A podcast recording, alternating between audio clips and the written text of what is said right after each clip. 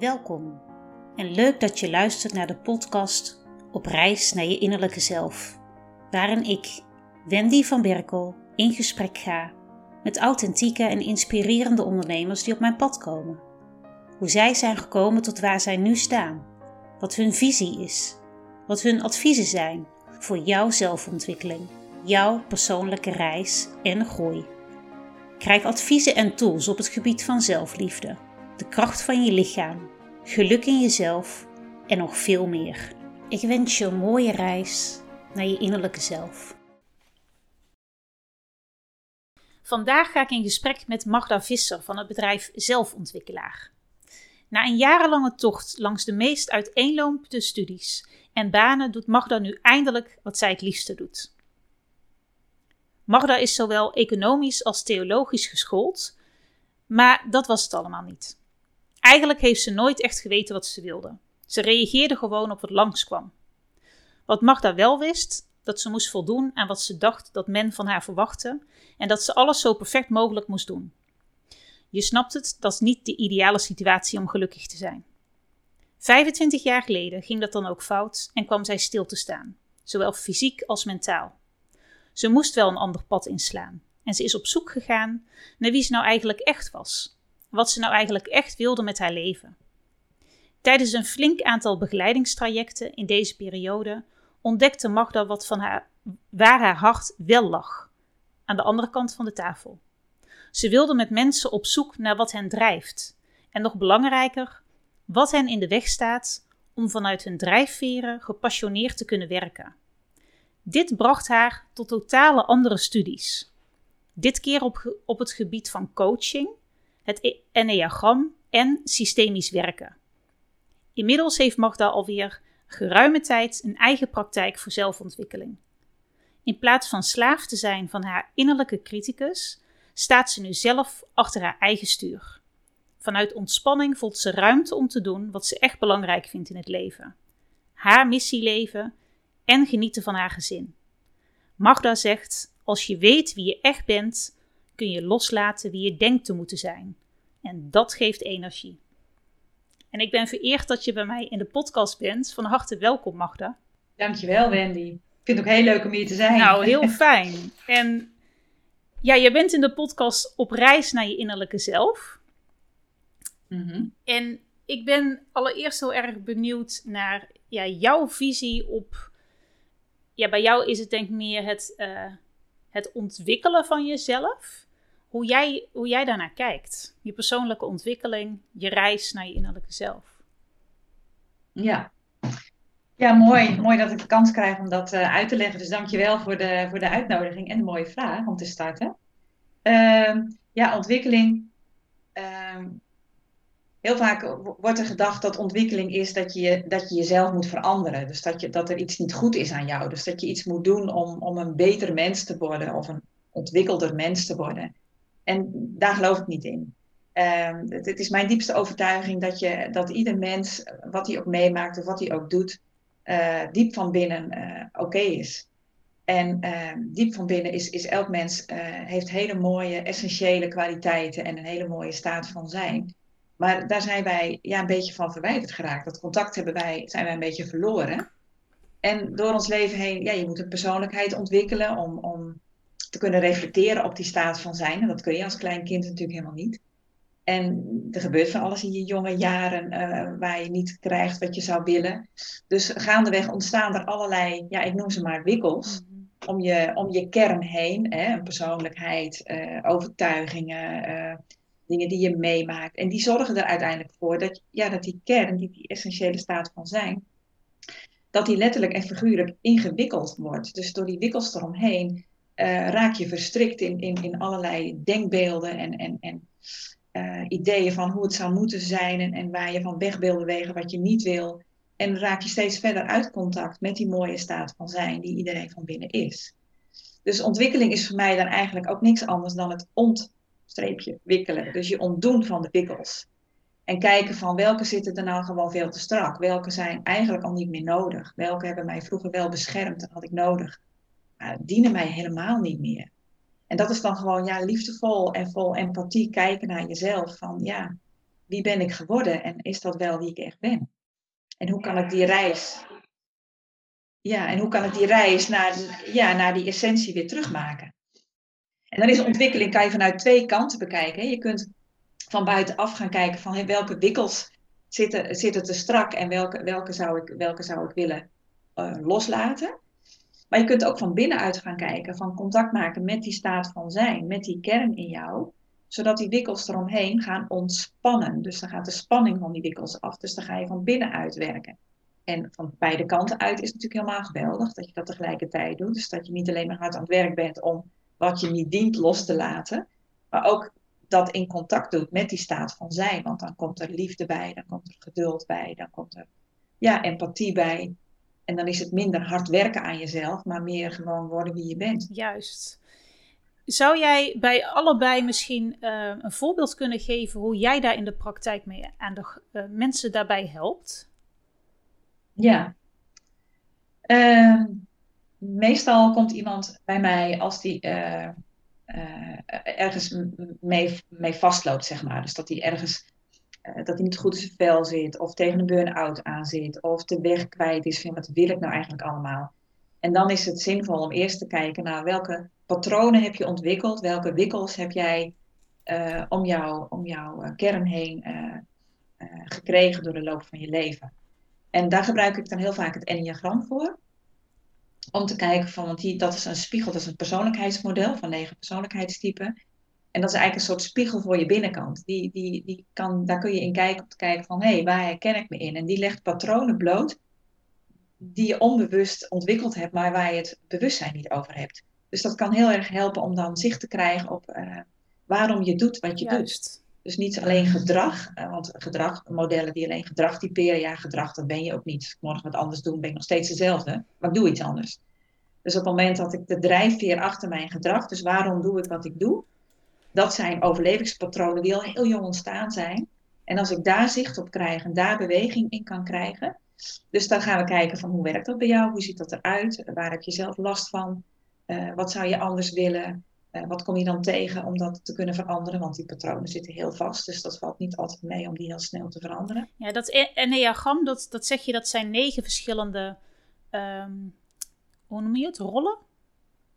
Persoonlijkheidstype. Oké, okay, persoonlijkheidstype. Maar hoe kom je daarachter? Op welke manier? Is dat, is dat een vragenlijst? Of is dat op welke manier ja. onderzoek je dat? Ja, er zijn verschillende manieren. Ik werk uh, meestal in een uh, uh, individueel, fysiek, één op één interview.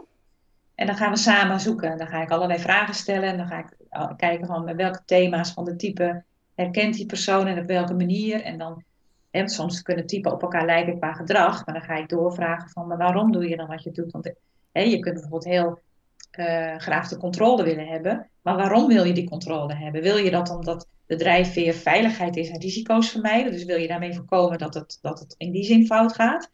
Of wil je controle omdat je graag wil sturen en graag jouw jouw inbreng uh, wil zien? En dan ben je echt zo'n controlfreak die alles wil bepalen. Of doe je dat vanuit perfectionisme? Dus waarom doe je het, het, het gedrag wat je laat zien? En door het interview komen we dan bij één type uit. En dan uh, krijgt iemand materiaal mee en, en observatievragen mee om te kijken van nou, hoe herken ik dat in mijn leven? En dan kunnen we daar vervolgens mee aan de slag, want elk type heeft zijn eigen ontwikkelingsweg. je kunt wel zeggen, je moet assertiever worden, maar zo iemand die heel bepalend is en overal de controle over heeft, ja, die mag wel wat minder assertief worden. Terwijl iemand die heel erg gericht is op harmonie en op sfeer en zichzelf niet durft te laten zien, ja, die, die mag juist wat assertiever worden.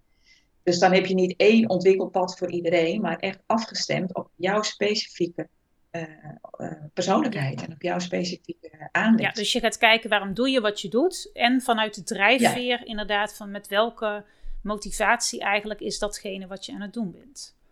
Ja, precies. Ja. ja. En dat is eigenlijk van de weg van buiten naar binnen, het ontwikkelen, je ontdoen van de wikkels, kijken van welke wikkels, hè, dus welke gedachten komen daaruit voort, welke, welke overtuigingen beperk ik mezelf, houd ik mezelf klein. En hè, want uit die drijfveer komen kwaliteiten voort, maar ook beperkende gedachten. En saboteurs en, rode knoppen, en, en hè, die komen daar allemaal vandaan.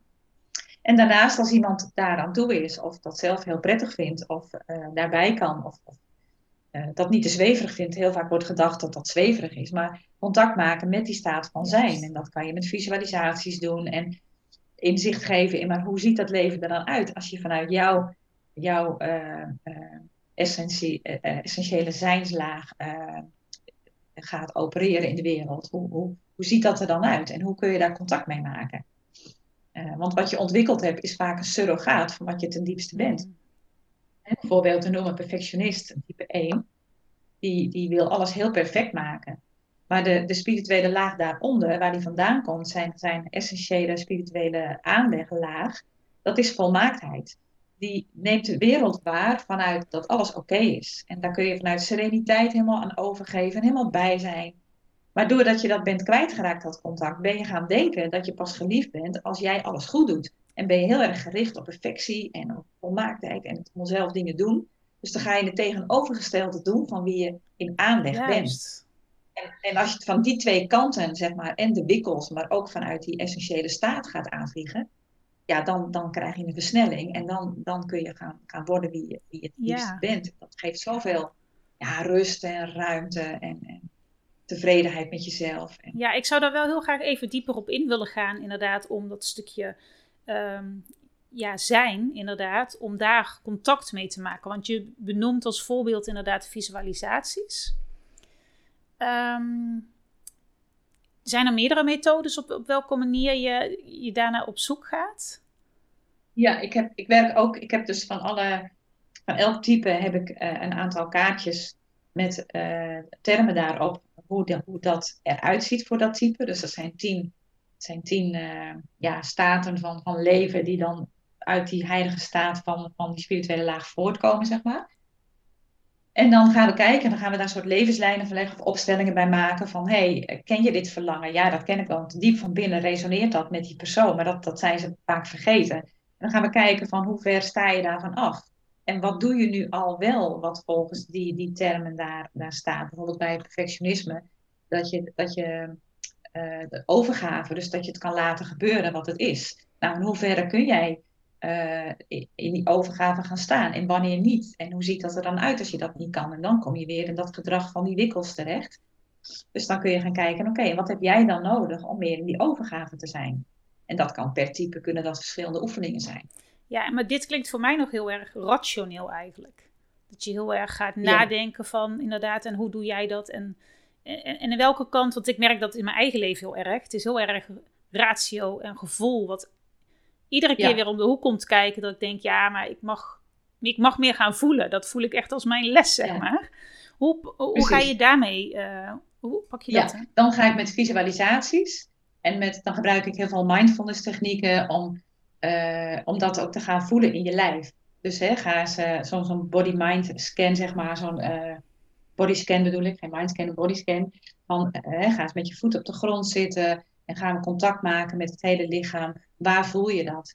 En dan heb ik bijvoorbeeld ankers, vloerankers, waarmee ik de anker heb van uh, de staat van de wikkel, zeg maar, en de staat van zijn. En kun je dat verschil voelen? Dus kun je, kun je met allerlei verschillende oefeningen met die ankers, als je daarop staat, kun je dan voelen wat het met je doet. Als je contact maakt met die staat van volmaaktheid bijvoorbeeld, van type 1.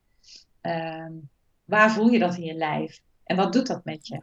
En van daaruit gaan kijken en welke gedachten komen er dan uit voort? En welke neiging heb je dan om te gaan doen? Dus dan, dan vertrek je vanuit de, de gevoelstaat, zeg maar, vanuit je hart, vanuit je, vanuit je lichaam. En dan, dan, komt het, dan zie je mensen ook veranderen. Dan zie je dat mensen zachter worden, uh, meer, meer landen in hun lijf. Ehm, ja, en dan hoeven ze eigenlijk helemaal niet na te denken over wat ze gaan doen of niet gaan doen. Dan, dan weten ze het gewoon. Dus dan, dan raak je een soort innerlijk weten aan. En dat komt alleen maar vanuit het gevoel, vanuit het lichaam, vanuit het, vanuit het lijf, zeg maar. Ja. Dat kun je niet bedenken. Maar voor sommige mensen is dat gewoon een stap te ver. Hè? Die, die hebben daar weerstand tegen of die kunnen daar door de blokkades nog helemaal niet bij. Dus het is altijd kijken van hoe ver is iemand. En, en dan ga je met mindfulness oefeningen heel voorzichtig proberen ja, bij die, bij die lagen te komen, bij dat diepere weten. Ja, want iedereen heeft zijn eigen proces daar natuurlijk in. Om te kijken waar iemand staat en wat hij inderdaad op dat moment nodig heeft. Ja, ja. Klopt. ik zou het uh, ook fijn vinden om even een, een, stapje terug te doen. Om ook te kijken, inderdaad, een stukje naar jouw proces ook. En wat jij nu mhm. precies ook ja, wat ik altijd mooi zeg, wat, wat jij de wereld, zeg maar, te bieden hebt. Uh, ik heb net al in mijn intro inderdaad kort verteld, heel kort over jouw proces. Dat jij inderdaad ook, ja, 25 jaar geleden weliswaar, maar wel het moment dat inzicht kwam bij jou van, maar zo ga ik niet meer verder. Kun jij daar zelf ook nog wat over vertellen? Ja, het is al wel 25 jaar geleden, maar het was, uh, ik weet nog wel hoe heftig dat was. Ik, ik was uh, altijd bezig om de dingen zo goed mogelijk te doen, omdat ik dacht dat ik dan er mocht zijn. Dus de lat heel hoog leggen, grenzen niet voelen in mijn lijf en maar door en maar door en maar door. En ook eigenlijk dingen doen die helemaal niet bij mij pasten. Ik werd voor een aantal functies gevraagd. Ik heb van alles en nog wat gedaan en ik, ik haalde daar toch niet de optimale energie uit, omdat ik niet echt deed wat bij mij paste. Dus op een gegeven moment was dat klaar. De stekker ging er echt uit, fysiek en mentaal. Ik, uh, ik was uh, in verwachting van mijn tweede, van mijn tweede kindje. En toen kreeg ik bekkeninstabiliteit. En die, die burn-out, die, die, die was nog steeds, ja, die was er eigenlijk al. Maar daar, daar was ik gewoon toch mee aan het leven op een manier die niet echt heel helpend was. Dus toen was het gewoon klaar. En toen lag ik eh, op bed, uh, bijna twee jaar, met twee kleine kindjes, een baby en een jongetje van anderhalf. Pittig. Dus dat was, ja, dat was heel heftig. En dan heb je gewoon geen keus meer. Dan, dan, dan wordt aan alle kanten word je gewoon in je nekvel gegrepen en ergens anders neergekwakt en zie het maar te, zie het maar te redden of zo. Hè? Dat, dat... En um, toen, toen was ja, alle energie was op, mijn lichaam was op. En toen ben ik uh, zachtjes aan gaan kijken van wat, wat heb ik dan nodig? Wat, hoe moet ik verder? Hoe, hoe, wat, wat moet ik in godsnaam doen? Toen heb ik gelukkig hele uh, goede mensen om me heen gehad die mij uh, de, de, weg gewezen hebben naar de juiste personen voor, voor de juiste hulp. En vandaar ben ik opgekrabbeld en, en ben ik steeds meer gaan ontdekken van ja, ik, ik, ik heb eigenlijk mijn hele leven nooit gedaan wat ik echt, mm. echt wil. En wat wil ik dan? En dat ben ik toen gaan ontdekken toen merkte ik van ja, waar ik echt blij van word. Ik heb heel veel hulp gekregen, heel veel uh, therapeutische gesprekken gevoerd, maar ook allerlei creatieve vormen van therapie gedaan. En elke keer als ik daar was, werd ik daar niet alleen blij van omdat het mezelf heel veel bracht, maar ook omdat ik dacht van ja, maar dit, vind, dit lijkt mij heel leuk om te doen ook. Want ik ben altijd wel heel nieuwsgierig geweest naar, wat er, naar het menselijk verhaal. Van wat, wat drijft jou nou en hoe, hoe wat heb jij te doen in dit leven? Want ik geloof heel erg dat iedereen iets te doen heeft in het leven. En dat werd me toen ook echt bewust. En ik ja, wat heb ik dan te doen? En hoe kan ik dat met andere mensen uh, boven water gaan halen? Wat drijft jou nou? En wat houdt jou tegen om te doen wat je eigenlijk het liefste doet? Ja. Dus toen ben ik ja, allerlei studies gaan doen. En uh, toen, toen is het, uiteindelijk is daar uh, een eigen praktijk uit voortgekomen. Maar wat ik daar het meest van geleerd heb, is ehm, hoe ongelooflijk uh, ziek wij als maatschappij zijn. Hoe, hoe wij mensen creëren die zo ver van zichzelf afkomen te staan. En die van alles verwacht. En, uh, en tot, toen ben ik in gaan zien, ja, maar dat verwacht de maatschappij niet van mij. Dat, dat doe ik eigenlijk gewoon zelf. Ik leg die lat voor mezelf zo hoog. En dan kan ik de schuld bij die maatschappij neerleggen. Maar ik moet het roeren. Ja, ja wel, wat een inzicht. Want zo, zo heb je er ook invloed op. Zo heb je er invloed op. En vanaf dat moment, want ik heb veel meegemaakt in mijn leven waar ik vaak stilgezet ben, um, ben ik vanaf dat moment alle stilstandmomenten uh, eigenlijk als cadeautjes gaan ervaren. Want die brengen mij altijd wat. Ja. Uh, dus in plaats van dat ik dat dan heel vervelend vind, of daarvan baal, of denk, oh, dan moet ik mijn agenda leegmaken. Even, heel even als het gebeurt, dan, uh, dan, dan, dan breekt er even, nou, geen paniek, maar dan baal ik er even heel intens van. Denk, ja, dan gaat de streep door de rekening. Dit is niet wat ik wil. Dat mag er ook zijn. Maar dan, dat mag er ook zijn. Dat laat ik er ook even zijn. En dan komt de ruimte en de vrijheid. Denk, oh, wat kan ik nu wel? En dan komen er ook altijd dingen op mijn pad waar ik heel veel inspiratie uit haal. En achteraf zie ik dat altijd tot echt als cadeautjes of zo. Dus dat heb ik daar wel ook van geleerd. Juist, ja, en dat vind ik heel goed. Want op die manier is het eigenlijk ook ehm, je lichaam die je eigenlijk dus een signaal geeft van hé, hey, maar dit is een signaal om inderdaad even stil te staan en te kijken wat er wel is en wat, ja, ja. wat er tot je komt op het moment dat je dan stilstaat. Precies. En, en ik zie dat ook dan echt weer als een signaal, want ik ben, ik, ik ben wel uh, heel veel hoofd. En ik moet gedwongen worden om naar mijn lijf te gaan. Dat heeft gewoon zijn oorzaken. Dat is een oorsprong in wat ik meegemaakt heb in mijn leven. Maar uh, ook al probeer ik elke dag wel eh, vanuit mijn lichaam waar te nemen, zeg maar, wat ik, wat ik wil. Er zijn toch altijd weer situaties, momenten in je leven dat er van alles gebeurt waarin je toch weer naar dat, naar dat rationele wordt getrokken. En ik zie dat dan toch elke keer als ik fysiek stilgezet word, weer even als een knipoog, een soort hulpmiddel van, nou, volgens mij moet jij weer even eventjes gaan zitten, even weer bewust worden. En uh, ja, die, kan ik, die momenten kan ik dan ook echt zelf zien als, als, uh, als, uh, als een gunfactor om, om weer een verdiepingsslag te Juist, echt vanuit dankbaarheid dat je inderdaad ja. Ja, een diepere laag in jezelf eigenlijk ook weer kan aanraken. Ja, en ik kan me voorstellen dat dat mensen denken van ja, heel makkelijk gezegd, dat, dat zeg je nu wel, maar dat is, dat, dat is hoe, hoe, het, hoe, het, hoe, het, werkt bij mij. Ik, ik, heb dat, ik heb die momenten ook echt nodig om, om stilgezet te worden, om echt weer, uh, weer bij mezelf te zijn. En ik plan dat ook wel, want ik ga ook wel twee keer per jaar ga ik zes dagen naar een zen-sessie in om te mediteren, om echt tot rust te komen en bij mezelf te zijn. En, dus ik, ik doe dat ook wel, maar dan nog, dat leven vraagt zoveel van ons. En een groot gezin waarvan alles gebeurt, er is altijd wel wat. En er gebeurt gewoon veel om je heen. En de wereld staat in brand. En, dus dat doet ook van alles met je. Dus dan is het goed om af en toe ook gewoon ja. Om die momenten te hebben dat je gewoon even niks hoeft of niks mag. Juist, en wat heb jij nodig en hoe ga jij daar op dit moment mee om? Precies. Juist. Precies. Ja. ja. En wat jij op dit moment doet, want je hebt je eigen praktijk, geef je aan. ja. Ehm, stel dat mensen inderdaad zoiets hebben van: ik, ik vind het interessant wat je doet, maar kan jij, kan jij vertellen wat jij. Want we hebben natuurlijk onze luisteraars die, die dit horen en wellicht ook uh, herkenning horen. Ja. Ja, ik werk op twee manieren. Uh, de mensen komen bij mij op twee manieren. Dat is uh, probleemgericht, dus als er echt problemen zijn. Maar het, het mooiste vind ik zelf, ja, ik help heel graag mensen die, die vastzitten, die geef ik weer ruimte. Maar waar ik heel erg in geloof, is het preventieve stuk. Wij wij uh, hebben een, een APK voor onze auto, we hebben, laten onze, onze verwarmingsketel nakijken. En zelf het beste instrument wat we hebben, dat gaan we best wel slordig mee om. Waar, ja. Dus uh, precies, dus wat ik, de, de, instrumenten die ik heb, die zijn heel erg geschikt om preventief zelfonderzoek te doen. Ik werk zowel met het enneagram en dan, dan ja, het is heel fijn om je eigen gebruiksaanwijzing te kennen. Dat is ook mijn, mijn missie in het leven, om elke starter op de werkvloer, elke jongere, uh, die moet dus schade en schande op die werkvloer maar ontdekken hoe het allemaal werkt. Maar hoe fijn is het als je gewoon vooraf je eigen gebruiksaanwijzing, je eigen handleiding meekrijgt. Dus gewoon je spiegel hebt van, oh ja, dat zijn mijn valkuilen, zo zit het bij mij hoe kan ik mijn, mijn potentie, gewoon mijn potentiële aanleg nog beter versterken? Hoe kan ik dat nog meer tot z'n recht laten komen zonder dat dat valkuilen worden of, hè, dat, dat, uh, dat dat irritant wordt voor de omgeving. Dus dat. En ik werk ook met het Ikigai. Dat is een Japans model. En dat staat eigenlijk voor waar kom je je bed voor uit. Dus daarmee ontdek je uh, je passie en je missie. Dus uh, dan ga je kijken van waar hou ik nou eigenlijk van en waar ben ik goed in, waar krijg ik energie ja, van. Echt die drijfveer. Waarin wil ik, ja, waarin wil ik bijdragen? En dan kunnen we kijken van op welke manier uh, sluit dat aan met jouw enneagramtype? Wat zijn mogelijke saboteurs of wat zijn mogelijke kwaliteiten die je kunt gebruiken daarin?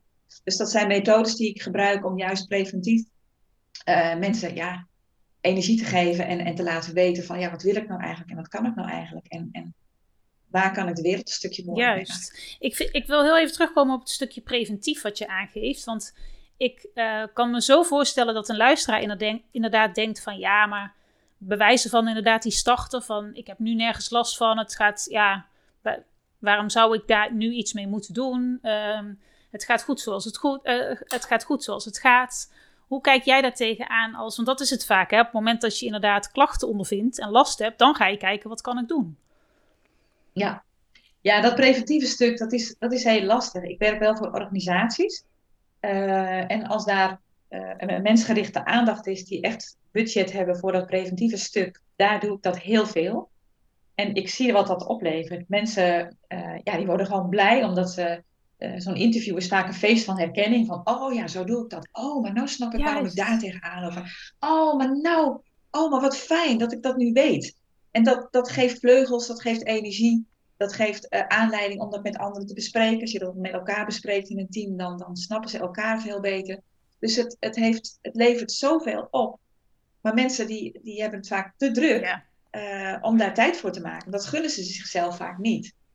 En dat vind ik, ja, dat vind ik wel jammer. Hè, soms wachten ze gewoon te lang en dan zitten ze al in een burn-out of er tegenaan. Maar het is gewoon fijn als je dat van tevoren al, al ja, En zo'n ikigai ook. Gewoon weten waar jij energie van krijgt. Hè? Dan, dan, zit je, dan is je werk geen werk meer. Maar dan ga je elke morgen met plezier heel graag doen wat je, wat je het liefste ja, doet. En dat is wel een hele, hele belangrijke, ja. Dat, Zie je daar ook qua leeftijd, uh, ja, dat er toch een, een bepaalde leeftijdscategorie is waar dat je dit uh, goed toepast? Of zeg je, ik, ik trek organisaties aan waarin dat willekeurig qua leeftijd speelt? Beide. Ik trek denk ik ook organisaties aan die hiervoor openstaan. Uh, maar ik denk ook als het over leeftijd gaat, dat jonge mensen uh, zijn veel meer gericht op hun uh, werk zien als een vorm van betekenisgeving en een vorm van persoonlijke ontwikkeling. Veel meer dan oudere mensen van oudere generaties. En die, die zoeken hun werkgever daar ook en hun werk ook op uit. Als het niet betekenisvol is of niet bijdraagt aan de wereld verbeteren, de organisatie staat niet voor duurzaamheid of voor innovatieve ideeën of voor inclusiviteit, dan is dat vaak helemaal geen aantrekkelijke werkgever voor jonge mensen die echt van betekenis willen zijn. En die zijn ook sneller geneigd om op te stappen als, als, uh, als ze niet gehoord worden in hun ideeën of als ze zich niet kunnen ontwikkelen of als ze niet van, van betekenis kunnen zijn, als ze geen, geen uh, bijdrage kunnen leveren aan iets wezenlijks. Ja, dan zijn ze sneller geneigd om loyaal te zijn aan hun eigen wensen dan aan de organisatie. Dus dat preventieve stuk is juist zo, daar gaan juist jonge mensen heel erg op aan. Ja ja. in een organisatie. Die vinden dat echt geweldig. Wel heel fijn om te horen, inderdaad. Want dat is natuurlijk wel een, een bepaalde generatie die daar anders inderdaad naar kijkt. Dan... Ja, die staat er heel duidelijk anders in. En kijk, iedereen is wel bij gebaat dat hij graag wil, doen, wil weten wat hij doet. Maar ik merk bij jonge mensen dat ze sneller geneigd zijn om op te stappen. Dus gaan jobhoppen uh, uh, of in een boorout terechtkomen zonder dat ze weten waarom. Als jij niet weet wat jou drijft, ja, dan wordt het allemaal saai en is het niet leuk. En dan, ja dan, dan lijkt, dat op, lijkt dat bijna op depressiviteit of, of het omgekeerde van een burn-out, dezelfde klacht als een burn-out. Maar ze gaan daar gewoon sneller, uh, trekken ze daar conclusies uit door dan uh, naar een andere baan op zoek te gaan. Juist, ja. Dan wordt dan vaak veroordeeld van ja, jobhoppen, uh, ze, blijven, ze zijn helemaal niet meer loyaal aan bedrijven. Maar ze hebben gewoon andere ideeën van invulling van werk. Kijk, vroeger, heel vroeger, ging je naar de kerk en dan haalde je je zingeving uit. En dan ging je naar je werk en dan verdiende je geld. Tegenwoordig is dat ja, en dan werkte je 40 jaar lang. ja. Precies, dat was een teken, daar werd je nog voor beloond ook. Dan kreeg je een gouden horloge, want dat was fantastisch. En nu is dat heel anders. Die, die kerken zijn er niet meer, dus mensen moeten zelf hun eigen zingeving vinden. Ontwikkeling is veel belangrijker geworden. Dus als hun baan niet meer bijdraagt aan hun ontwikkeling, dan gaan ze weer de volgende stap waar de volgende ontwikkelstap is. Ja. En als je lang blijft zitten, dan markeert er iets aan jou, want dat, dan doe je je werk niet goed of dan ben je niet gemotiveerd. Dus het, het is een heel andere tijd en een heel, met heel andere mensen waarbij dat preventieve stuk gewoon veel meer uh, gevraagd wordt en ook nodig is. Juist. Want het is, de tijd is ook heftiger geworden met veel meer keuzes, veel meer uh, uitdagingen. Uh, met de social media eh, constant maar aan zijn. Dus er wordt ook veel meer van ze gevraagd, op een andere manier van ze Juist, gevraagd. Ja. Dan die andere generatie. Dus dan is dat preventieve stuk is, is heel wezenlijk. Dat hoort gewoon bij je standaard uitrusting om succesvol en met plezier je werk te doen. Ja, en is het alleen voor organisaties, want jij hebt jouw eigen praktijk? Of is het ook voor Mhm. een luisteraar die nu luistert en die inderdaad zegt van nou, Zeker, Kijk. zeker. Ook, ja. Mijn werk komt meestal binnen via organisaties. En, eh, maar daarnaast, mensen in een organisatie hebben ook weer een privé omgeving. Dus zonen, broers, zussen, vrienden, vriendinnen, die komen dan ook particulier eh, bij mij binnen, zeg maar. juist. En als je nou een Ja. luisteraar hebt die inderdaad zegt van nou, ik, ik wil wel eens gaan ervaren, zo'n eerste stap om in ieder geval je iets mee te gaan doen. Heb jij nog een leuk cadeautje voor onze luisteraar? Ja, dan heb ik voor twee, twee doelgroepen twee cadeautjes. Als jij eh, als particulier luistert en zegt van, goh, ik, ik ben nieuwsgierig naar het preventieve stuk. Hoe ziet zo'n enneagram, zo'n ikigai er dan uit? Wat kan ik daarmee? Is dat wat voor mij? Dan eh, eh, is iedereen welkom voor een gratis kennismakingsgesprek. Leuk. Dan leg ik uit wat er is. Dan kunnen we kijken waar iemand tegenaan loopt, waar de behoeften liggen, wat je precies wil. En dan, eh, ik lever altijd maatwerk. Dus dan kunnen we altijd kijken van, nou, misschien is één gesprek met een paar tips al voldoende. Maar het kan ook zijn dat je zegt van, goh, ik ben toch wel nieuwsgierig naar dat enneagram. Dan kunnen we kijken of dat iets is voor je. Dus dat kunnen we dan in dat gesprek beoordelen. Ik vind die gesprekken altijd heel erg leuk. Dus eh, iedereen is daar ook van harte welkom. Ja, super. En voor organisaties heb ik een whitepaper. Want als jij misschien als HR-manager of CEO of wat dan ook luistert.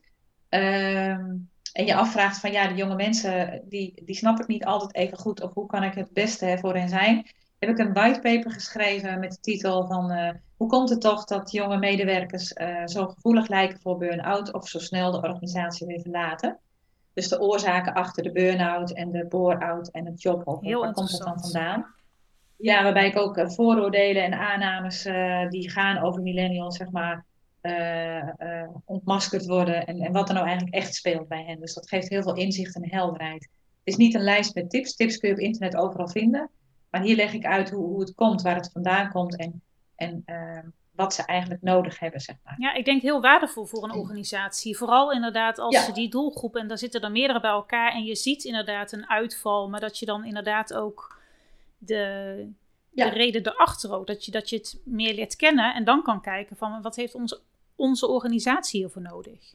Ja, ja. die whitepaper gaat over de startmotor die ik ontwikkeld heb. Dat zijn eigenlijk drie cirkels die elkaar moeten overlappen. Wil je echt werkplezier creëren?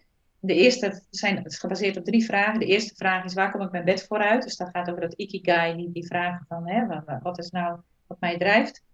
De tweede is hoe werkt het bij mij? Dus dan gaat het over het enneagram, die persoonlijkheid. Hoe, hoe saboteer ik mezelf en hoe haal ik het beste uit mezelf?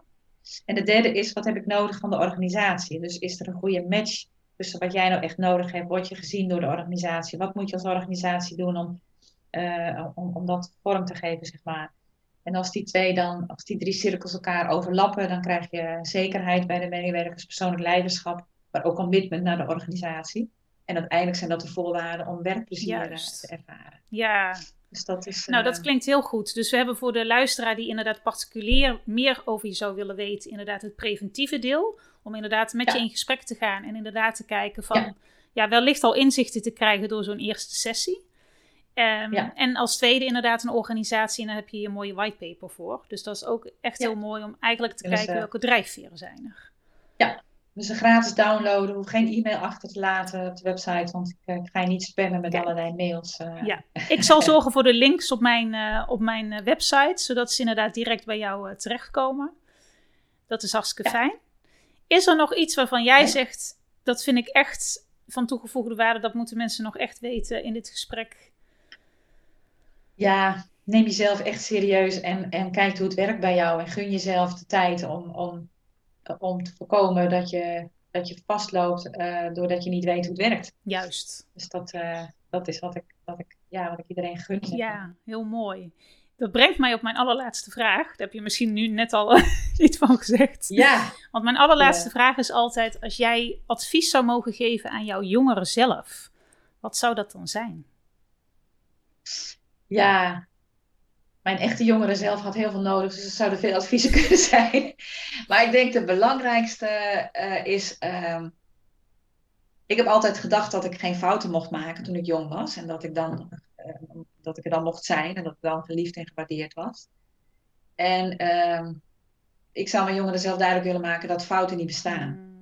Fout is niks anders dan dat eh, er in de realiteit iets anders gebeurt dan wat je in je hoofd bedacht had.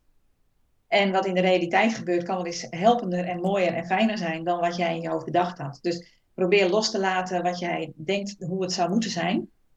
En uh, leef het leven in zijn ontvangen, uh, ontvang het en, en kijk wat de realiteit jou te bieden heeft. En uh, fouten maken bestaan niet. Wauw, heel mooi omschreven. Dank je wel voor, je, voor jouw advies en ja, voor deze mooie afsluiter. Ja, en dat wat jij te bieden hebt. Heel fijn. Nou, dankjewel dat je mij uh, de ruimte hiervoor gaf. Ik vond het ook een heel fijn gesprek. Dus uh, ik, uh, ik, hoop dat, dat we hier iets mee kunnen bereiken in de wereld. Dankjewel voor het luisteren van deze aflevering van de podcast Op reis naar je innerlijke zelf. Wil jij op de hoogte worden gehouden van nieuwe afleveringen? Abonneer je dan op deze podcast. Ken je iemand voor wie deze podcast ook interessant is? Stuur dan een link van de podcastaflevering door. Op deze manier gunnen we iedereen een reis naar een innerlijke zelf. Nogmaals dank voor het luisteren en graag tot een volgende keer.